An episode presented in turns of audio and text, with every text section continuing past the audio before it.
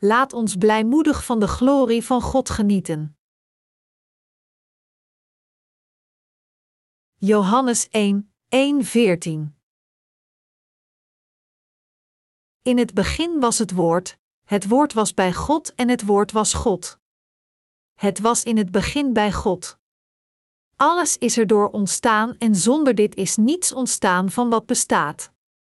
In het woord was leven en het leven was het licht voor de mensen. Het licht schijnt in de duisternis en de duisternis heeft het niet in haar macht gekregen. Er kwam iemand die door God was gezonden, hij heette Johannes. Hij kwam als getuige, om van het licht te getuigen, opdat iedereen door hem zou geloven. Hij was niet zelf het licht, maar hij was er om te getuigen van het licht, het ware licht, dat ieder mens verlicht en naar de wereld kwam. Het woord was in de wereld, de wereld is door hem ontstaan en toch kende de wereld hem niet. Hij kwam naar wat van hem was, maar wie van hem waren hebben hem niet ontvangen. Wie hem wel ontvingen en in zijn naam geloven, heeft hij het voorrecht gegeven om kinderen van God te worden.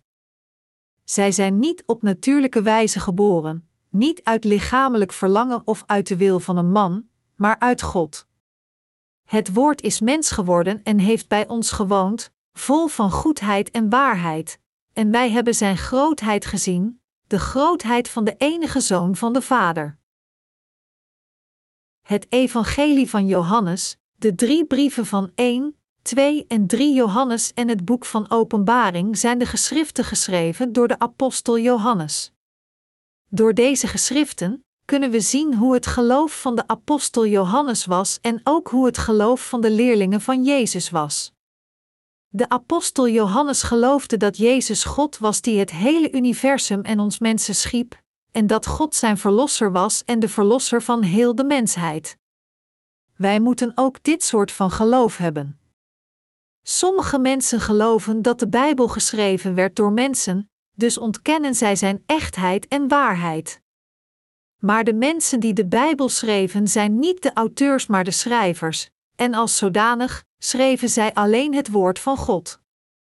In beiden het Oude Testament en het Nieuwe Testament samen bevinden zich ongeveer 3800 voorbeelden waarbij de uitdrukking God zij wordt gebruikt in de Bijbel.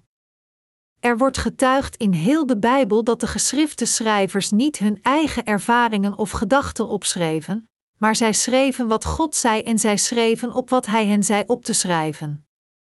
De Bijbel werd geschreven over een periode van 1600 jaar, beginnend van 1500 van CHR, wat ongeveer 3500 jaar geleden is, tot 100 jaar en CHR. Ongeveer 40 geschrifte schrijvers schreven de Bijbel op diverse verschillende plaatsen, zoals het schiereiland Sinai, Israël, Babylon, verschillende regio's in Klein-Azië, Rome, op kleine Middellandse eilanden en zo verder. De maatschappelijke achtergrond van de geschrifte schrijvers zijn ook verschillend, variërend van geleerden, profeten, generaals, koningen, landbouwers, vissers, een geneesheer, een belastinginner en anderen. Maar in deze wereld is er maar één boek geschreven door al deze mensen met verschillende achtergronden over een lange tijdsperiode, en dit is de Bijbel. Wat nog verbazingwekkender is, is dat ondanks het feit dat de Bijbel werd geschreven door verschillende mensen over zo'n lange periode, zijn inhoud consequent gecentreerd is rond Jezus. Dit bewijst dat de Bijbel het woord van God is dat God ons gegeven heeft, en dat het de waarheid is geschreven door zijn dienaren in beiden het Oude en Nieuwe Testament. Met andere woorden, de Bijbel zijn geen woorden van mensen geschreven volgens hun eigen wil, maar het is het woord van God aan ons bezorgd door de handen van mensen geïnspireerd door de Heilige Geest. Het is voor ons absoluut noodzakelijk duidelijk te begrijpen hoe de Bijbel werd geschreven, en te geloven dat dit woord van de geschriften het God gesproken woord is dat aan ons bezorgd werd. Het ware geloof in God begint als we geloven dat al de woorden geschreven in de Bijbel het woord van God is. Jezus schiep de hemelen en de aarde. In de geschrifte passage van vandaag spreekt de apostel Johannes door geloof. Hij citeerde het woord van God van Genesis hoofdstuk 1. Hij spreekt over de fundamentele essentie van Jezus Christus. Het was in het begin bij God. Alles is erdoor ontstaan en zonder dit is niets ontstaan van wat bestaat. Johannes 1, 2, 3. Vanaf het begin, het moment dat God de Vader besliste dit universum te creëren, was Jezus Christus zijn Zoon zelf de Schepper. Deze passage verklaard door de apostel Johannes maakt duidelijk dat Jezus God zelf was vanaf het begin. Dat is waarom hij zei dat er niet spontaan tot ontstaan kwam zonder Jezus. Met andere woorden, terwijl Jezus Christus de Verlosser is voor ons, omdat Hij God zelf is, is Hij ook de Schepper die het universum en alles erin maakte. Toen het woord werd gecreëerd, kwam het precies tot bestaan volgens datgene wat de Schepper, Jezus Christus die God zelf is, zei. Laat ons hier kijken naar Genesis 1, 1 en 5. In het begin schiep God de hemelen en de aarde. De aarde was nog woest en doods, en duisternis lag over de oervloed, maar Gods geest zweefde over het water. God zei: Er moet licht komen, en er was licht. God zag dat het licht goed was, en hij scheidde het licht van de duisternis. Het licht noemde hij dag, de duisternis noemde hij nacht. Het werd avond en het werd morgen. De eerste dag. Dit is hoe Jezus de hemelen en de aarde schiep. Het universum is niet spontaan ontstaan zoals men algemeen denkt en beweerd wordt door de evolutietheorie, maar het werd gemaakt door het machtige woord van Jezus Christus. De evolutietheorie is een hypothetisch begrip bewerend dat een enkele cel spontaan op een dag ontstond en geleidelijk over een lange periode tot leven kwam. Maar hoe kan leven opeens en spontaan uit het niets ontstaan? Alleen God kan leven creëren. Laat ons terugkeren naar Genesis 1, 2. Voordat God de hemelen en de aarde schiep, was de aarde nog woest en doods, en duisternis lag over de oervloed. En de geest van God zweefde over het water. De geest van God verwijst hier naar niemand anders dan de Heilige Geest. Het betekent dat als het hart van iedere zondaar woest is en er niets anders dan verwarring en wanorde is, de Heilige Geest er nog niet naar kan afdalen. God schijnt het licht van leven op deze chaotische wereld. Er staat geschreven: God zei: Er moet licht komen, en er was licht. God zag dat het licht goed was. Genesis 1, 3, 4. Hoewel deze passage de vorming van het universum uitlegt en het resultaat, impliceert het ook dat Jezus Christus naar deze aarde zou komen om u en mij van de zonde van de wereld te redden. In het begin scheen Jezus Christus het licht van zegening op deze aarde waar alleen de duisternis heerste. Het licht kwam tot bestaan door zijn woord, bevelend dat er licht moest zijn in deze chaotische wereld. De woeste en doodse aarde verwijst hier naar de planeet Aarde waarop u en ik leven. Geestelijk gesproken, verwijst het ook naar u en mijn hart. Het betekent dat vanaf het moment dat we geboren worden in deze wereld, onze harten woest, doods en vol duisternis waren. Met andere woorden, wij worden allemaal geboren als zondaars. Hoewel onze Heer dit prachtige universum schiep, werd het menselijke hart verward en leeg door Satan. Het universum had geen sterren, en er was niets op de planeet Aarde, geen planten, geen bomen, geen fruit, niets. Alleen complete duisternis en verwarring waren aanwezig. Deze duisternis verwijst naar het hart van iedereen die geboren werd als een zondige afstammeling van Adam. Het menselijke hart en deze wereld werden beheerst door verwarring en duisternis, maar toen God zei: Er moet licht komen, kon het licht van zaligmaking in de harten van de mensen komen, en God zag dat dit licht goed was. God scheidde het licht van de duisternis, hij noemde het licht dag en de duisternis nacht, het werd avond en het werd ochtend, dit was de eerste dag. God de Vader had in totaal zes dagen nodig om dit universum te creëren, en in deze tijd en in al zijn werk deed hij dit samen met zijn zoon Jezus Christus.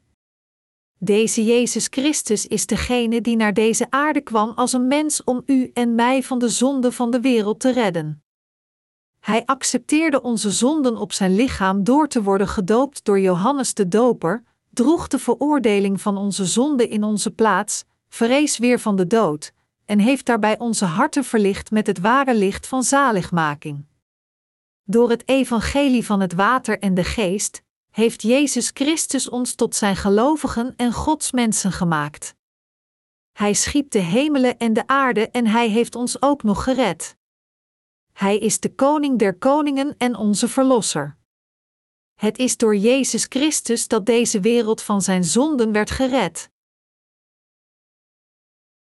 U moet het correcte geloof hebben, wetend dat Jezus Christus God zelf is.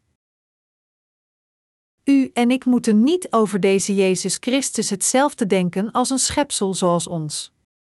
Nog moeten we hem vergelijken met dergelijke wijsgeren zoals Boeddha, Confucius, Mencius of Socrates die voor korte tijd in deze wereld leefden. Het is absoluut essentieel voor u zich te realiseren en te geloven dat Jezus Christus de God is die dit universum en alles erin creëerde. Hij die u en mij schiep, die ons geboren liet worden uit de schoot van onze moeders en ons liet opgroeien, die heerst over leven en dood, die de Alpha en de Omega is, die ons de zegening van de vergeving van zonde heeft gegeven en die ons toestaat van de eeuwige vreugde in de hemel te genieten. Hij is niemand anders dan Jezus, die God zelf is. Ons geloof moet gefundeerd zijn op de correcte erkenning dat het de Heer, God zelf is, die heerst over de zegeningen en vloeken van de mens. Het geloof van de apostel Johannes was zodanig dat hij begreep en correct geloofde in Jezus Christus. Hij geloofde dat Jezus Christus bij God de Vader was vanaf het begin, en dat dit universum en alle dingen door Jezus werden geschapen, en dat alle zondaars de vergeving van zonde konden ontvangen door in Hem te geloven die kwam door het water en de geest. Dit geloof van de apostel Johannes is vandaag de dag absoluut essentieel voor u en mij. Jezus Christus is de God die het universum en alle dingen schiep, en Hij is u en mijn meester. U moet hier duidelijk beseffen dat het Jezus Christus is die ervoor zorgt dat iedereen in deze wereld geboren wordt. U moet ook voor uw eigen bestwil beloven dat Hij onze zonden op zichzelf nam door te worden gedoopt door Johannes de Doper, te sterven aan het kruis en weer van de dood te verrijzen, en heeft daarmee al onze zonden weggewassen. Te weten en te geloven dat Jezus Christus beide is, de schepper en de verlosser van de mensheid, dat is waar het ware geloof om draait. Dit is hoe wij moeten begrijpen wie de Heer is, en dit is hoe wij in Hem met heel ons hart moeten geloven. Er zijn veel wijsgeren op deze aarde geweest. Sommige van hen hadden grote visies, en een paar van hen gaven zelfs hun levens om hun eigen nobele ideeën te vervullen. Echter, deze mensen waren niet goddelijk, noch waren zij verlossers. Ongeacht hoe groot hun prestaties ook zijn geweest, uiteindelijk waren zij gewoon schepsels in Gods ogen gemaakt door Hem, en zij brachten geen fundamentele voordelen voor onze zielen. Het kan zijn dat zij tijdelijke voldoening aan de mensen in de wereld brachten, maar zij faalden de eeuwige zegeningen van zaligmaking te brengen. Nog waren zij in staat ons de glorierijke rijkdom van het koninkrijk van de hemel te geven. De apostel Johannes toont duidelijk dat Jezus Christus de enige verlosser van de mensheid is. Jezus Christus schiep de wereld, en er is niets dat gemaakt werd zonder Hem. De Bijbel heeft ons weer opnieuw getoond dat het meest gepaste geloof voor ons is te weten en te geloven dat Jezus Christus de Verlosser is. Wie schiep dit universum en alle dingen in het? Wie heeft u en mij gemaakt, verwekte ons in de schoot van onze moeders en liet ons geboren worden in deze wereld, en opgroeien en heerst over onze volgende levens? Wie heeft ons de zegening van zaligmaking gegeven en beslist over onze toekomst? Het is Jezus. Het is Jezus Christus, de Verlosser van de mensheid. De naam Jezus Christus betekent de Verlosser en de Koning der Koningen. Het is Jezus Christus die de Heer en de Koning van het hele universum en van alles in het is. Hij is de enige God die al onze zonden en overtredingen heeft uitgewist en ons het leven van het vlees heeft gegeven en het eeuwige leven voor onze ziel. Wij moeten Jezus Christus erkennen als de God van de schepping en de Verlosser van de mensheid, en we moeten hierin geloven. De apostel Johannes wist en geloofde dat Jezus Christus God zelf was, de Verlosser en de Zoon van God. Geloven wij dit ook? Als u niet wist dat Jezus Christus de enige schepper en verlosser is, dan moet u van nu af aan dit beseffen en zo geloven. Niet alleen u, maar iedereen over de hele wereld moet zich dit realiseren. De apostel Johannes zei in Johannes 1, 4: In het woord was leven en het leven was het licht voor de mensen. Toen God zei dat er licht moest zijn in deze donkere wereld, kwam dit licht tot ontstaan en het mysterieuze werk van leven deed zich voor op deze planeet. Als de zon zou verdwijnen en er geen licht meer was, zal al het leven niet lang na de duisternis sterven. U zult zich afvragen: kunnen de diepzeeschepsels zonder licht leven? Nee, dat kunnen ze niet. Deze schepsels kunnen niet overleven zonder de voedselketen van het brede ecosysteem dat voortdurend wordt onderhouden door zonne-energie. Al deze schepselen zouden niet bestaan zonder het woord van Jezus Christus.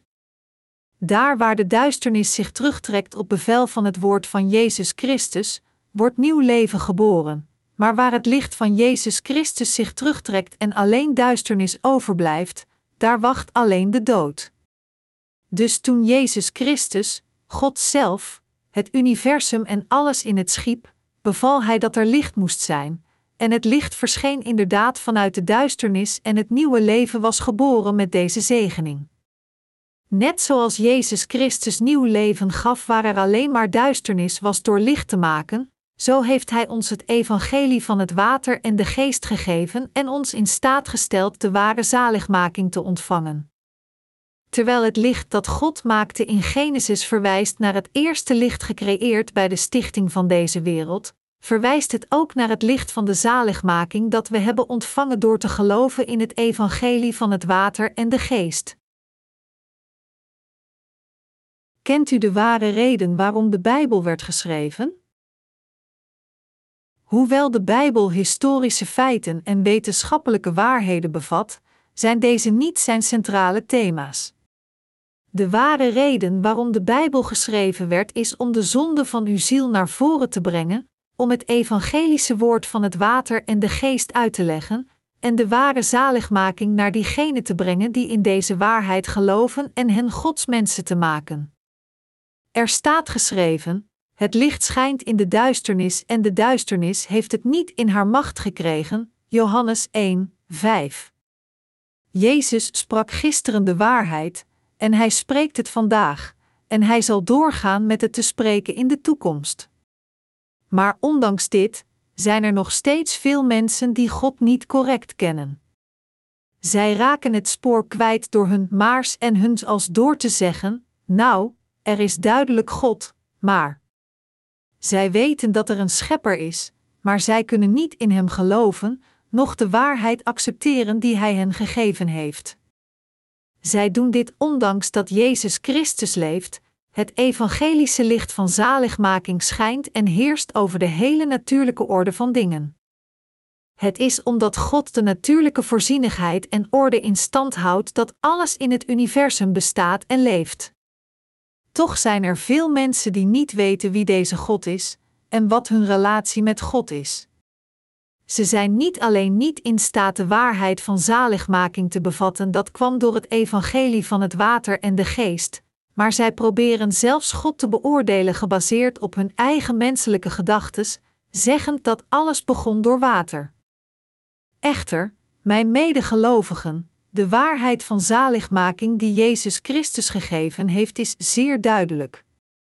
Alle dingen kwamen van Jezus Christus, en alle dingen moeten uiteindelijk terugkeren naar zijn schepper, om door hem te worden gered of veroordeeld en door hem te worden gezegend of vervloekt.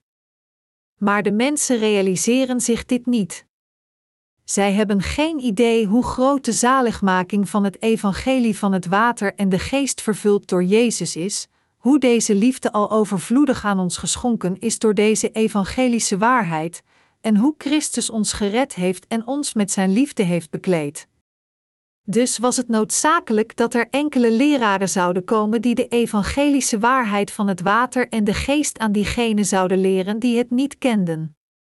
Mozes hoorde de stem van God en werd opgevoed door God, en hij leerde Gods waarheid aan de mensen van Israël. Wij hebben ook een dergelijke leraar nodig. Zes maanden eerder voordat Jezus geboren werd op deze aarde, had God de Vader als eerste een man genaamd Johannes de Doper gestuurd, zodat de mensen zich door Johannes de Doper zouden realiseren wie Jezus Christus was en wat hij voor hen had gedaan.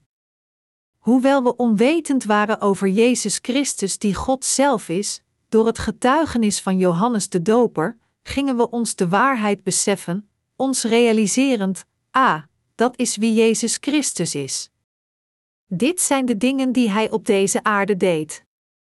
Hij heeft Gods liefde en genade geopenbaard, en hij heeft de zaligmaking aan al diegenen gebracht die geloven in het evangelie van het water en de geest. Johannes de Doper, een man gezonden door God. Er staat geschreven in Johannes 1, 6, 7: Er kwam iemand die door God was gezonden, hij heette Johannes. Hij kwam als getuige, om van het licht te getuigen, opdat iedereen door hem zou geloven. Zoals u weet, zijn de apostel Johannes en Johannes de Doper twee verschillende mensen met dezelfde naam. Zoals we kunnen zien dat de geschrifte schrijver Marcus ook Johannes heette, Handelingen 12 uur 12, Johannes was een veel voorkomende naam in die tijd. Het is volkomen normaal dat verschillende mensen dezelfde naam hebben, zoals Johannes, Robert, Jane enzovoort. Hoewel zij beiden dezelfde naam hadden, noemt de Bijbel als eerste Johannes de Doper omdat hij diegene is die Jezus doopte.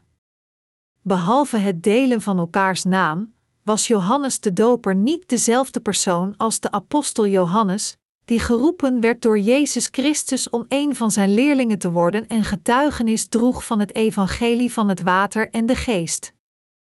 Er werd gezegd: hij kwam als getuige, om van het licht te getuigen, Johannes 1, 7.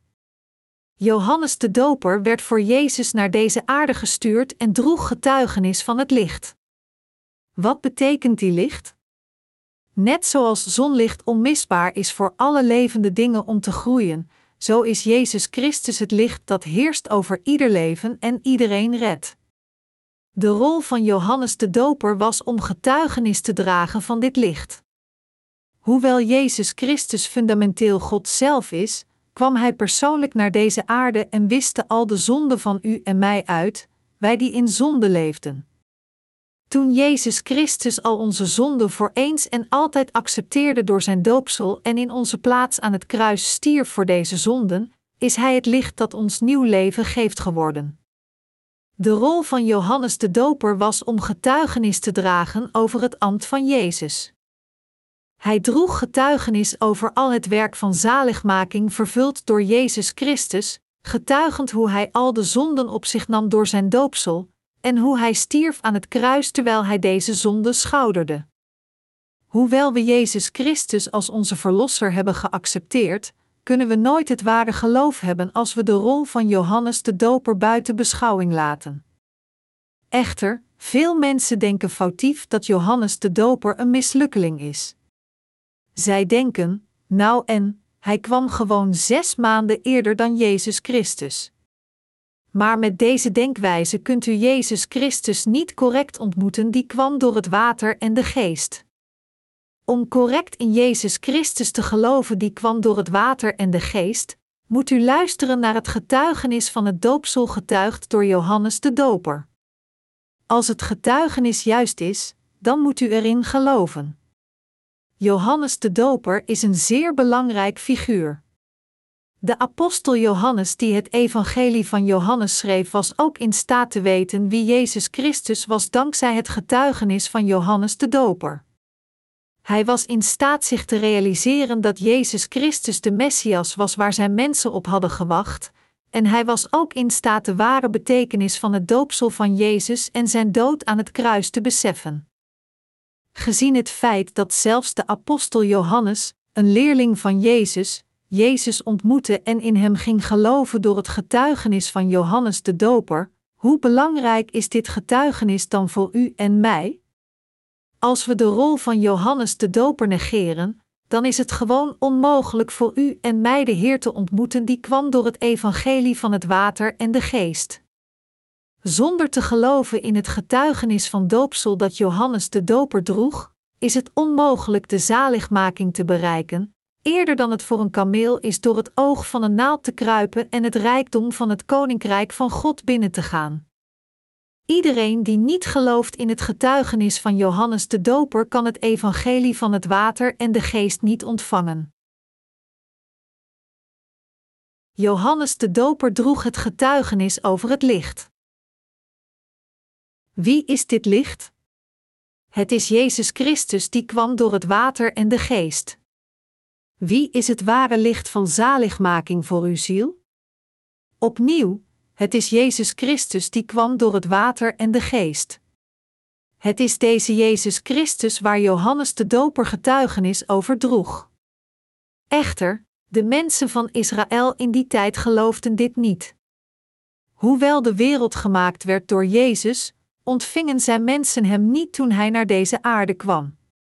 Hoewel zij op de Messias aan het wachten waren, toen de Verlosser Jezus werkelijk kwam, geloofden zij hem niet, want zij herkenden hem niet. Johannes de Doper had tegen hen getuigd: Niemand anders dan hij is het Lam van God. Hij is de zoon die onze zonde als het offerlam van het Oude Testament op zich nam, hen uitwiste, en ons dus tot Gods mensen maakte en het koninkrijk van God vervulde. Hij is de verlosser van de mensheid. Hij is de Messias waar u op hebt gewacht. Hij is een afstammeling van Abraham die kwam door de stam van Juda, een van de twaalf zonen van Jacob. Hij is de koning die komen zou in zijn tijd. Maar ondanks dit geloofden de mensen van Israël nog steeds niet. Waarom geloofden zij niet? Zij geloofden niet omdat zij Jezus veroordeelden met vleeselijke bepalingen, alleen met hun menselijke ogen. Zoals een wortel die uitloopt in dorre grond, was er niets aantrekkelijks aan de verschijning van Jezus. Jezus werd beschreven als een wortel die uitloopt in dorre grond, Jesaja 53, 2. Hoe zou dan zijn uiterlijk zijn geweest? Als eerste moet hij groot zijn geweest, en ten tweede moet hij zeer dun zijn geweest. Als u kijkt naar schilderijen van Jezus Christus, zoals waar hij wordt verhoord in de rechtbank van Pilatus, zult u verbaasd zijn hoe mager zijn gezicht is. Iemand die zo fel overbeen is dat er niets aantrekkelijks aan is, dit is wie Jezus was. Geboren in Bethlehem zoals voorspeld en opgegroeid in Nazareth, nam Jezus de zonde van de mensheid voor eens en altijd op zich door te worden gedoopt door Johannes de Doper op dertigjarige leeftijd om heel de rechtvaardigheid van God volgens het woord te vervullen. Echter, de mensen van Israël geloofden niet in Jezus. Zij geloofden niet ondanks dat Johannes de Doper getuigenis droeg aan hen, daar is het lam van God, dat de zonde van de wereld wegneemt. Johannes 1 uur 29 Jezus was persoonlijk naar deze aarde gekomen, maar de mensen van Israël, zijn eigen volk, ontvingen hem niet. Echter, de apostel Johannes zei verder: Wie hem wel ontvingen en in zijn naam geloven, heeft hij het voorrecht gegeven om kinderen van God te worden. Zij zijn niet op natuurlijke wijze geboren, niet uit lichamelijk verlangen of uit de wil van een man, maar uit God. Johannes 1, 12, 13. Deze passage is een van de favoriete Bijbelversen die christenen uit het hoofd leren. Wie hem wel ontvingen en in zijn naam geloven, heeft hij het voorrecht gegeven om kinderen van God te worden. Johannes 1 uur 12. Johannes de Doper droeg het getuigenis dat Jezus Christus, het licht, naar deze aarde kwam, al onze zonden voor eens en altijd droeg door te worden gedoopt, al u en mijn wereldlijke zonden naar het kruis te dragen, te worden gekruisigd, zijn levensbloed te vergieten, weer van de dood te verrijzen en ons daarmee van al de zonden van de wereld te bevrijden. De apostel Johannes zei ook dat diegenen die Jezus Christus in hun harten ontvangen, die kwam door het evangelie van het water en de geest, hij hen het recht heeft gegeven zijn kinderen te worden. Met andere woorden, God de Vader heeft dergelijk recht gegeven aan diegenen die geloven in Jezus Christus, die kwam door het evangelie van het water en de geest. We moeten geloven dat de Heer niet alleen de Verlosser is van het volk van Israël, maar dat Hij de Verlosser voor heel het menselijke ras is. Johannes de Doper droeg het getuigenis over het doopsel van Jezus Christus, zijn bloed aan het kruis, zijn dood en zijn verrijzenis. Daarom, met geloof, moet iedereen in deze wereld dit in hun harten accepteren. Het recht om Gods kinderen te worden wordt gegeven aan al diegenen die geloven in Jezus Christus, die gekruisigd werd terwijl hij de zonde van de wereld schouderde door zijn doopsel. We moeten daarom dit ware licht van zaligmaking accepteren. Jezus Christus accepteerde u en mijn zonden door gedoopt te worden door Johannes de Doper. Het doopsel van Jezus dat beschreven wordt in Matthäus 3, 13, 17 is wanneer onze zonden worden doorgegeven aan Jezus Christus, en Hij droeg deze zonden naar het kruis. U moet zich realiseren en geloven dat om onze zonden op zich te nemen, Jezus gedoopt werd in de rivier de Jordaan voordat Hij werd gekruisigd. Het was nadat Jezus de zonde van de wereld schouderde door te worden gedoopt dat hij zijn kostbare bloed aan het kruis vergoot en weer van de dood verrees, de veroordeling van al onze zonden in onze plaats dragend. Dus kunt u alleen uw zaligmaking bereiken als u gelooft in het evangelie van het water en de geest, en dat Christus u op deze manier heeft gered. U moet Jezus Christus, het licht van zaligmaking, in uw hart ontvangen met een correct begrip over het evangelie van het water en de geest. U moet Hem in uw hart accepteren. Denk eraan dat het diegenen zijn die geloven in het evangelie van het water en de geest aan welke God het recht geeft zijn kinderen te worden. Hebt u Jezus Christus ontvangen als uw Verlosser? Gelooft u met uw hart dat Jezus inderdaad de Koning der Koningen is en uw Verlosser? Hij is gelijktijdig onze Koning en onze Profeet, en tegelijkertijd ook de hoge priester van het Koninkrijk van de Hemel. De Heer kwam naar deze wereld, incarneerde in het vlees van de mens, droeg de zonde van de mensheid, niet een offerdier, maar zijn eigen lichaam, stierf aan het kruis, verrees weer van de dood en is daarmee onze ware Verlosser geworden. Hij is de verlosser van al diegenen geworden die geloven in het evangelie van het water en de geest. Aan diegenen die geloven, heeft God het recht gegeven Gods kinderen te worden. Ik geloof in deze waarheid. Gelooft u ook in het evangelie van het water en de geest? Hebt u het evangelie van het water en de geest in uw harten geaccepteerd? Wie zijn diegenen die met heel hun hart het evangelie van het water en de geest accepteren? Mensen die dit evangelie in hun harten ontvangen zijn diegenen die meteen de corruptie van hun eigen gedachten toegeven en de onfeilbaarheid van het woord van Jezus Christus accepteren. We moeten geloven dat Jezus Christus ons heeft gered door het evangelie van het water en de geest door naar deze aarde te komen, dat Hij God zelf is en de Heer van leven die het universum en alles in het schiep, dat Hij ons verwekte in de schoot van onze moeders en ons in deze wereld geboren liet worden, en dat Hij ons bevrijd heeft van de dood door onze zonde te dragen door het doopsel dat Hij ontving van Johannes de Doper en te sterven aan het kruis. Als iemand dit niet erkent, of er niet met hart en ziel naar verlangt, dan gelooft hij niet in de waarheid. Dergelijke mensen luisteren alleen met hun oren en zien met hun ogen, nooit met hun harten. Als u nog steeds niet kunt geloven in het evangelie van het water en de geest, zelfs als het zo ondubbelzinnig duidelijk is, dan hebt u een groot probleem. Deze mensen kunnen niet het schoonwassen van zonde krijgen van God, en daarom worden zij vervloekt. Denkt er iemand onder u dat vervloekt te worden door God niet zo belangrijk is? In de Engelse taal is een van de ergste vloeken te zeggen: God vervloek zo en zondag. Welke hoop zou iemand hebben die vervloekt wordt door God? Hij heeft geen enkele hoop. Iemand die vervloekt is door God is een zielig mens die niet langer in deze wereld kan leven. Iedereen moet gezegend zijn door God om te kunnen leven. Soms wordt u gehaat door anderen, maar u zult daarvoor niet naar de hel gaan. Echter, als u vervloekt wordt door God, dan bent u zo zielig dat leven in deze wereld ondraaglijk wordt. Als u wordt gehaat door de mensen vanwege God, dan zal deze haat terugkeren naar u in zegeningen, maar als u geprezen wordt door de mens en gehaat door God, dan zult u rechtstreeks naar uw eigen vernietiging gaan. Wilt u vervloekt worden en alles verliezen wat u nu heeft? Als dit niet is wat u wilt, dan moet u geloven in het God gesproken evangelische woord van het water en de geest. U moet met heel uw hart geloven dat Jezus Christus het licht van u houdt en dat Hij u gered heeft van al uw zonden.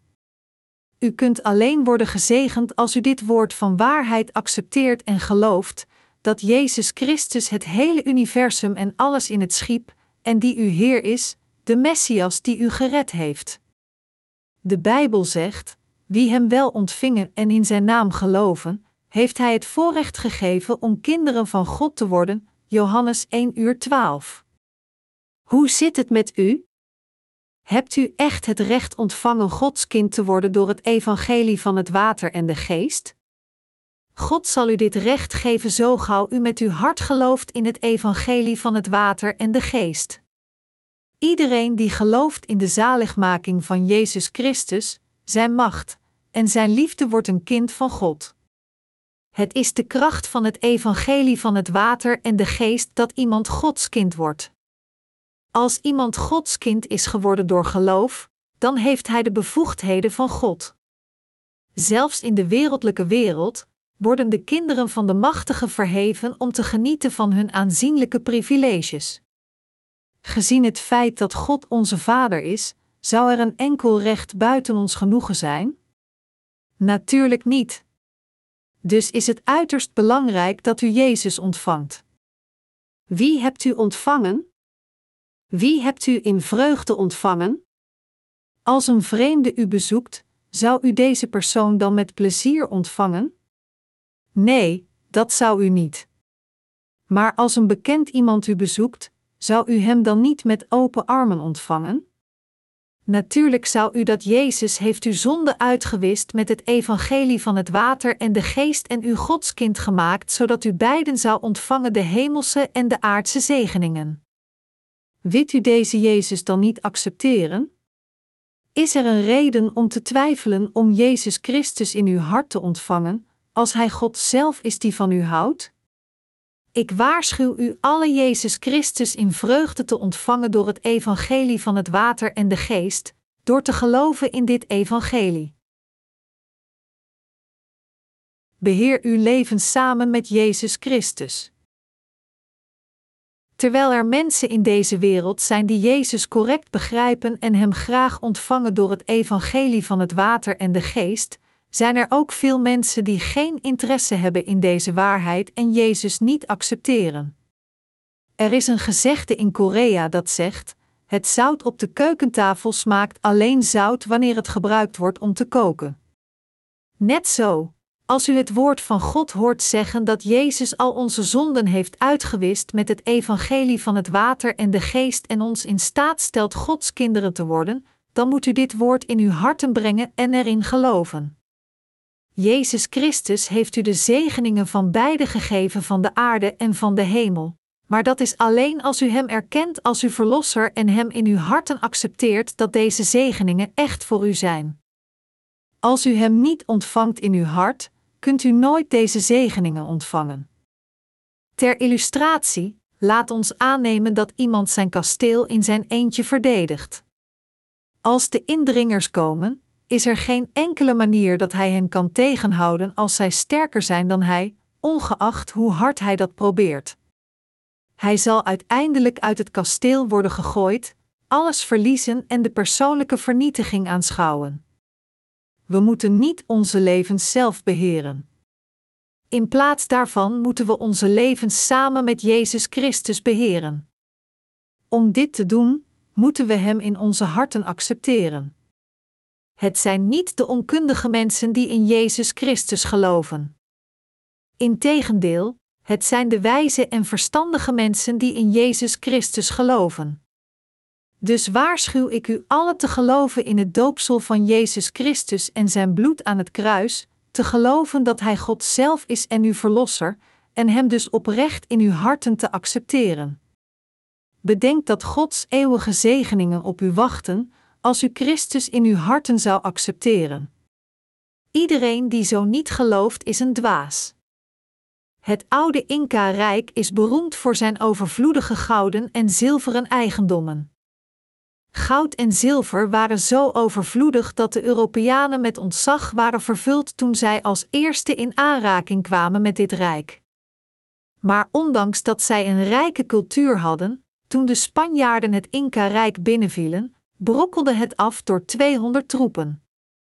Omdat de Inca's nog nooit contact hadden gehad met de westerse beschaving, waren zij gefascineerd door de Spanjaarden en zij verwelkomden hen met open armen.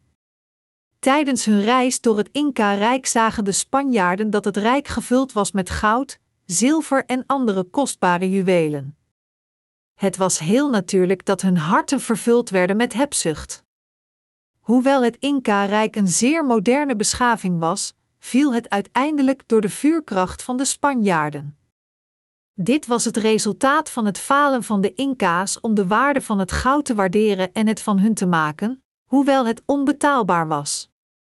Goud is niets meer dan een waardeloze steen als u niet zijn waarde kent. Zelfs als u genoeg goud heeft om de rest van uw leven in luxe te leven, als u de waarde niet kent, dan is het allemaal nutteloos. Wat gebeurt er als u uw goud verwaarloost, als u zich niet zijn kostbaarheid realiseert? U zult het uiteindelijk verliezen aan uw vijand. U wilt niet vervloekt en vernietigd worden wegens uw onwetendheid, niet in staat onderscheid te maken tussen vriendschappelijke troepen en vijandige troepen, net als de Inca's niet in staat waren hun vijanden van hun vrienden te onderscheiden. U moet bedenken dat als u niet uw eigen ziel koestert en u zich niet realiseert wat een kostbaar juweel van leven het Jezus Christus evangelie van het water en de geest is, u op weg bent naar de vernietiging net als het Inca-rijk dat verdween van deze aarde ondanks hun zeer moderne beschaving. Om u van uw zonden te redden, kwam Jezus Christus naar deze aarde, incarneerde in het vlees van de mens, nam al onze zonden op zich door te worden gedoopt door Johannes, te sterven aan het kruis, weer van de dood te verrijzen, en is daardoor onze ware verlosser geworden. Als u, ondanks dit, nog gelooft in nog Jezus Christus in uw hart accepteert, die zoveel voordelen aan uw ziel geeft en u in plaats daarvan naar Hem staart alsof Hij geen relevantie heeft in uw leven, dan zult u niet gezegend maar vervloekt worden. U moet zich realiseren wie echt aan uw kant staat, en u moet uw hart openen voor uw bondgenoot die er voor u is om u te helpen. Als u gewoon iemand accepteert, dan kunt u vroeg of laat ontdekken dat hij veranderd is in uw vijand, zijn zwaard tegen u trekkend en alles stelend wat van u was. Diegenen die niet geloven in God zijn als addergebroed. Hoe zit het dan met u? Bent u echt een kind van het koninkrijk van God geworden door met hart en ziel in Jezus te geloven? Het is absoluut noodzakelijk voor u zich te realiseren dat al diegenen die niet geloven in God uw vijanden zijn, en dat terwijl u het woord tegen hen moet prediken en op hen moet wachten, moet u zich nooit onder hen mengen. Terwijl ik het woord van God predik, word ik soms getergd tot rechtvaardige woede door het feit dat er zoveel christelijke leiders zijn op deze aarde die niet geloven in God. Deze mensen schappen op over hun opleidingsniveau, sociale status en wereldlijke privileges, maar beseffen zij wel dat al deze handelingen uiteindelijk zullen wegrotten, en dat zij in Gods ogen niets meer zijn dan smerig afval? Mijn medegelovigen, wetend en gelovend in Jezus Christus is het edelste ding dat een mens kan doen. Zonder Jezus' evangelie van het water en de geest te kennen, waar kan iemand dan over opscheppen? Opscheppen over wereldlijke macht zonder Jezus te kennen is niets meer dan een dwaze handeling. Mijn medegelovigen, geloven in Jezus Christus betekent niet Hem te erkennen en te accepteren als de Verlosser gewoon om de aardse zegeningen te verkrijgen. De enige manier om voor ons de vergeving van zonde te ontvangen en Gods kinderen te worden is door Jezus Christus te accepteren, die naar ons toekwam door het evangelie van het water en de geest, als onze Verlosser. Diegenen wiens gebeden worden beantwoord op deze aarde zijn alleen diegenen die geloven in Jezus Christus, evangelie van het water en de geest. Alleen zij kunnen de God gegeven zegeningen ontvangen en zijn genade en glorie vinden. Diegenen die Jezus in hun harten hebben ontvangen zijn diegenen die weten en geloven dat Jezus Christus, die naar ons toekwam door het evangelie van het water en de geest, degene is die ons zaligmaking geeft. We moeten ons nu deze waarheid realiseren en Jezus als het opperwezen in onze harten accepteren. Het recht om Gods kinderen te worden is niet iets dat verkregen wordt door de bloedlijn van het vlees. Nog wordt het verkregen door menselijke emoties uit te lokken. Nog wordt het ontvangen door de religieuze tradities van een familie, nog door te zeggen: omdat mijn ouders geloven, geloof ik ook in Jezus. De Bijbel zegt dat Gods kinderen diegenen zijn die wedergeboren worden niet door het bloed, noch door de wil van het vlees, noch door de wil van de mens, Johannes 1 uur 13, maar door te geloven in het evangelie van het water en de geest, Johannes 3, 5.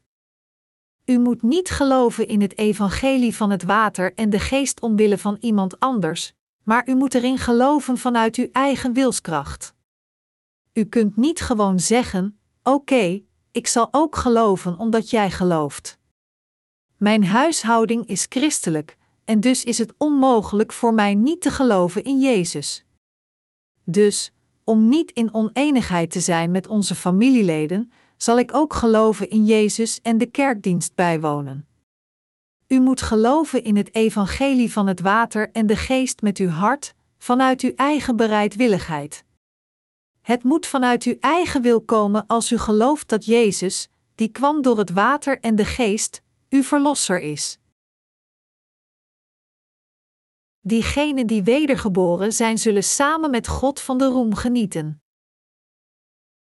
Dat iemand is wedergeboren uit God betekent het volgende: God de Vader hield zoveel van de wereld dat Hij zijn Zoon naar deze aarde stuurde, en door het evangelie van het water en de geest, heeft Hij u en mij van de zonde van de wereld gered.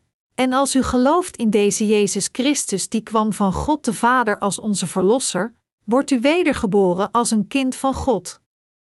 Dat is hoe u gezegend wordt door God. Jezus Christus had beloofd dat Hij naar deze aarde zou komen door een vrouwelijke afstammelinge en onze Verlosser zou worden. Genesis 3 uur 15. Volgens deze belofte kwam Hij inderdaad naar deze aarde en vervulde heel zijn geloofde woord. Dat Jezus werd geboren uit God betekent dat Hij de incarneerde God is.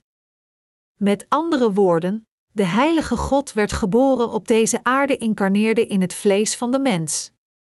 Van het woord van God hebben we deze Jezus Christus ontmoet en zijn we ons inderdaad gaan realiseren dat Hij de Zoon van God is, en ook dat door Zijn Zoon, God de Vader u en mij het geschenk van zaligmaking om Zijn kinderen te worden heeft gegeven.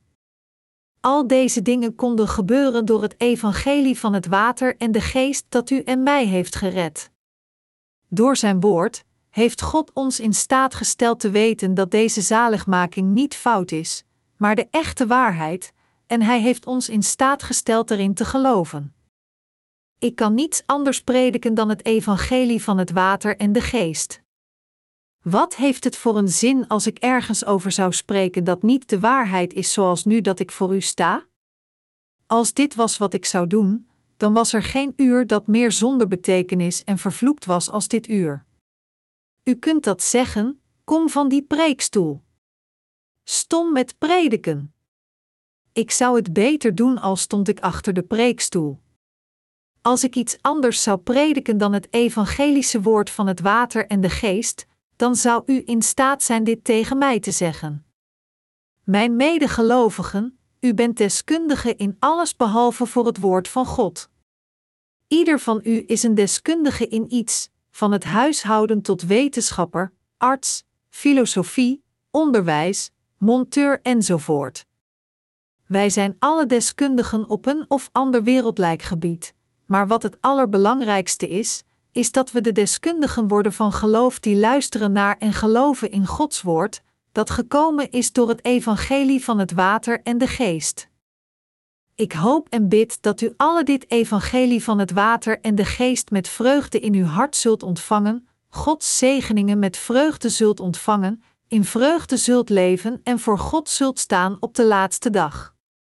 Laat ons, kortom, het schoonwassen van zonde ontvangen en met plezier van de glorie van God in onze levens genieten. Laat ons de zegeningen van zaligmaking ontvangen die gekomen is door het evangelie van het water en de geest. Gelooft u in dit evangelie, mijn medegelovigen? Door mijn geloof in het evangelie van het water en de geest te plaatsen, geef ik heel mijn dank aan God.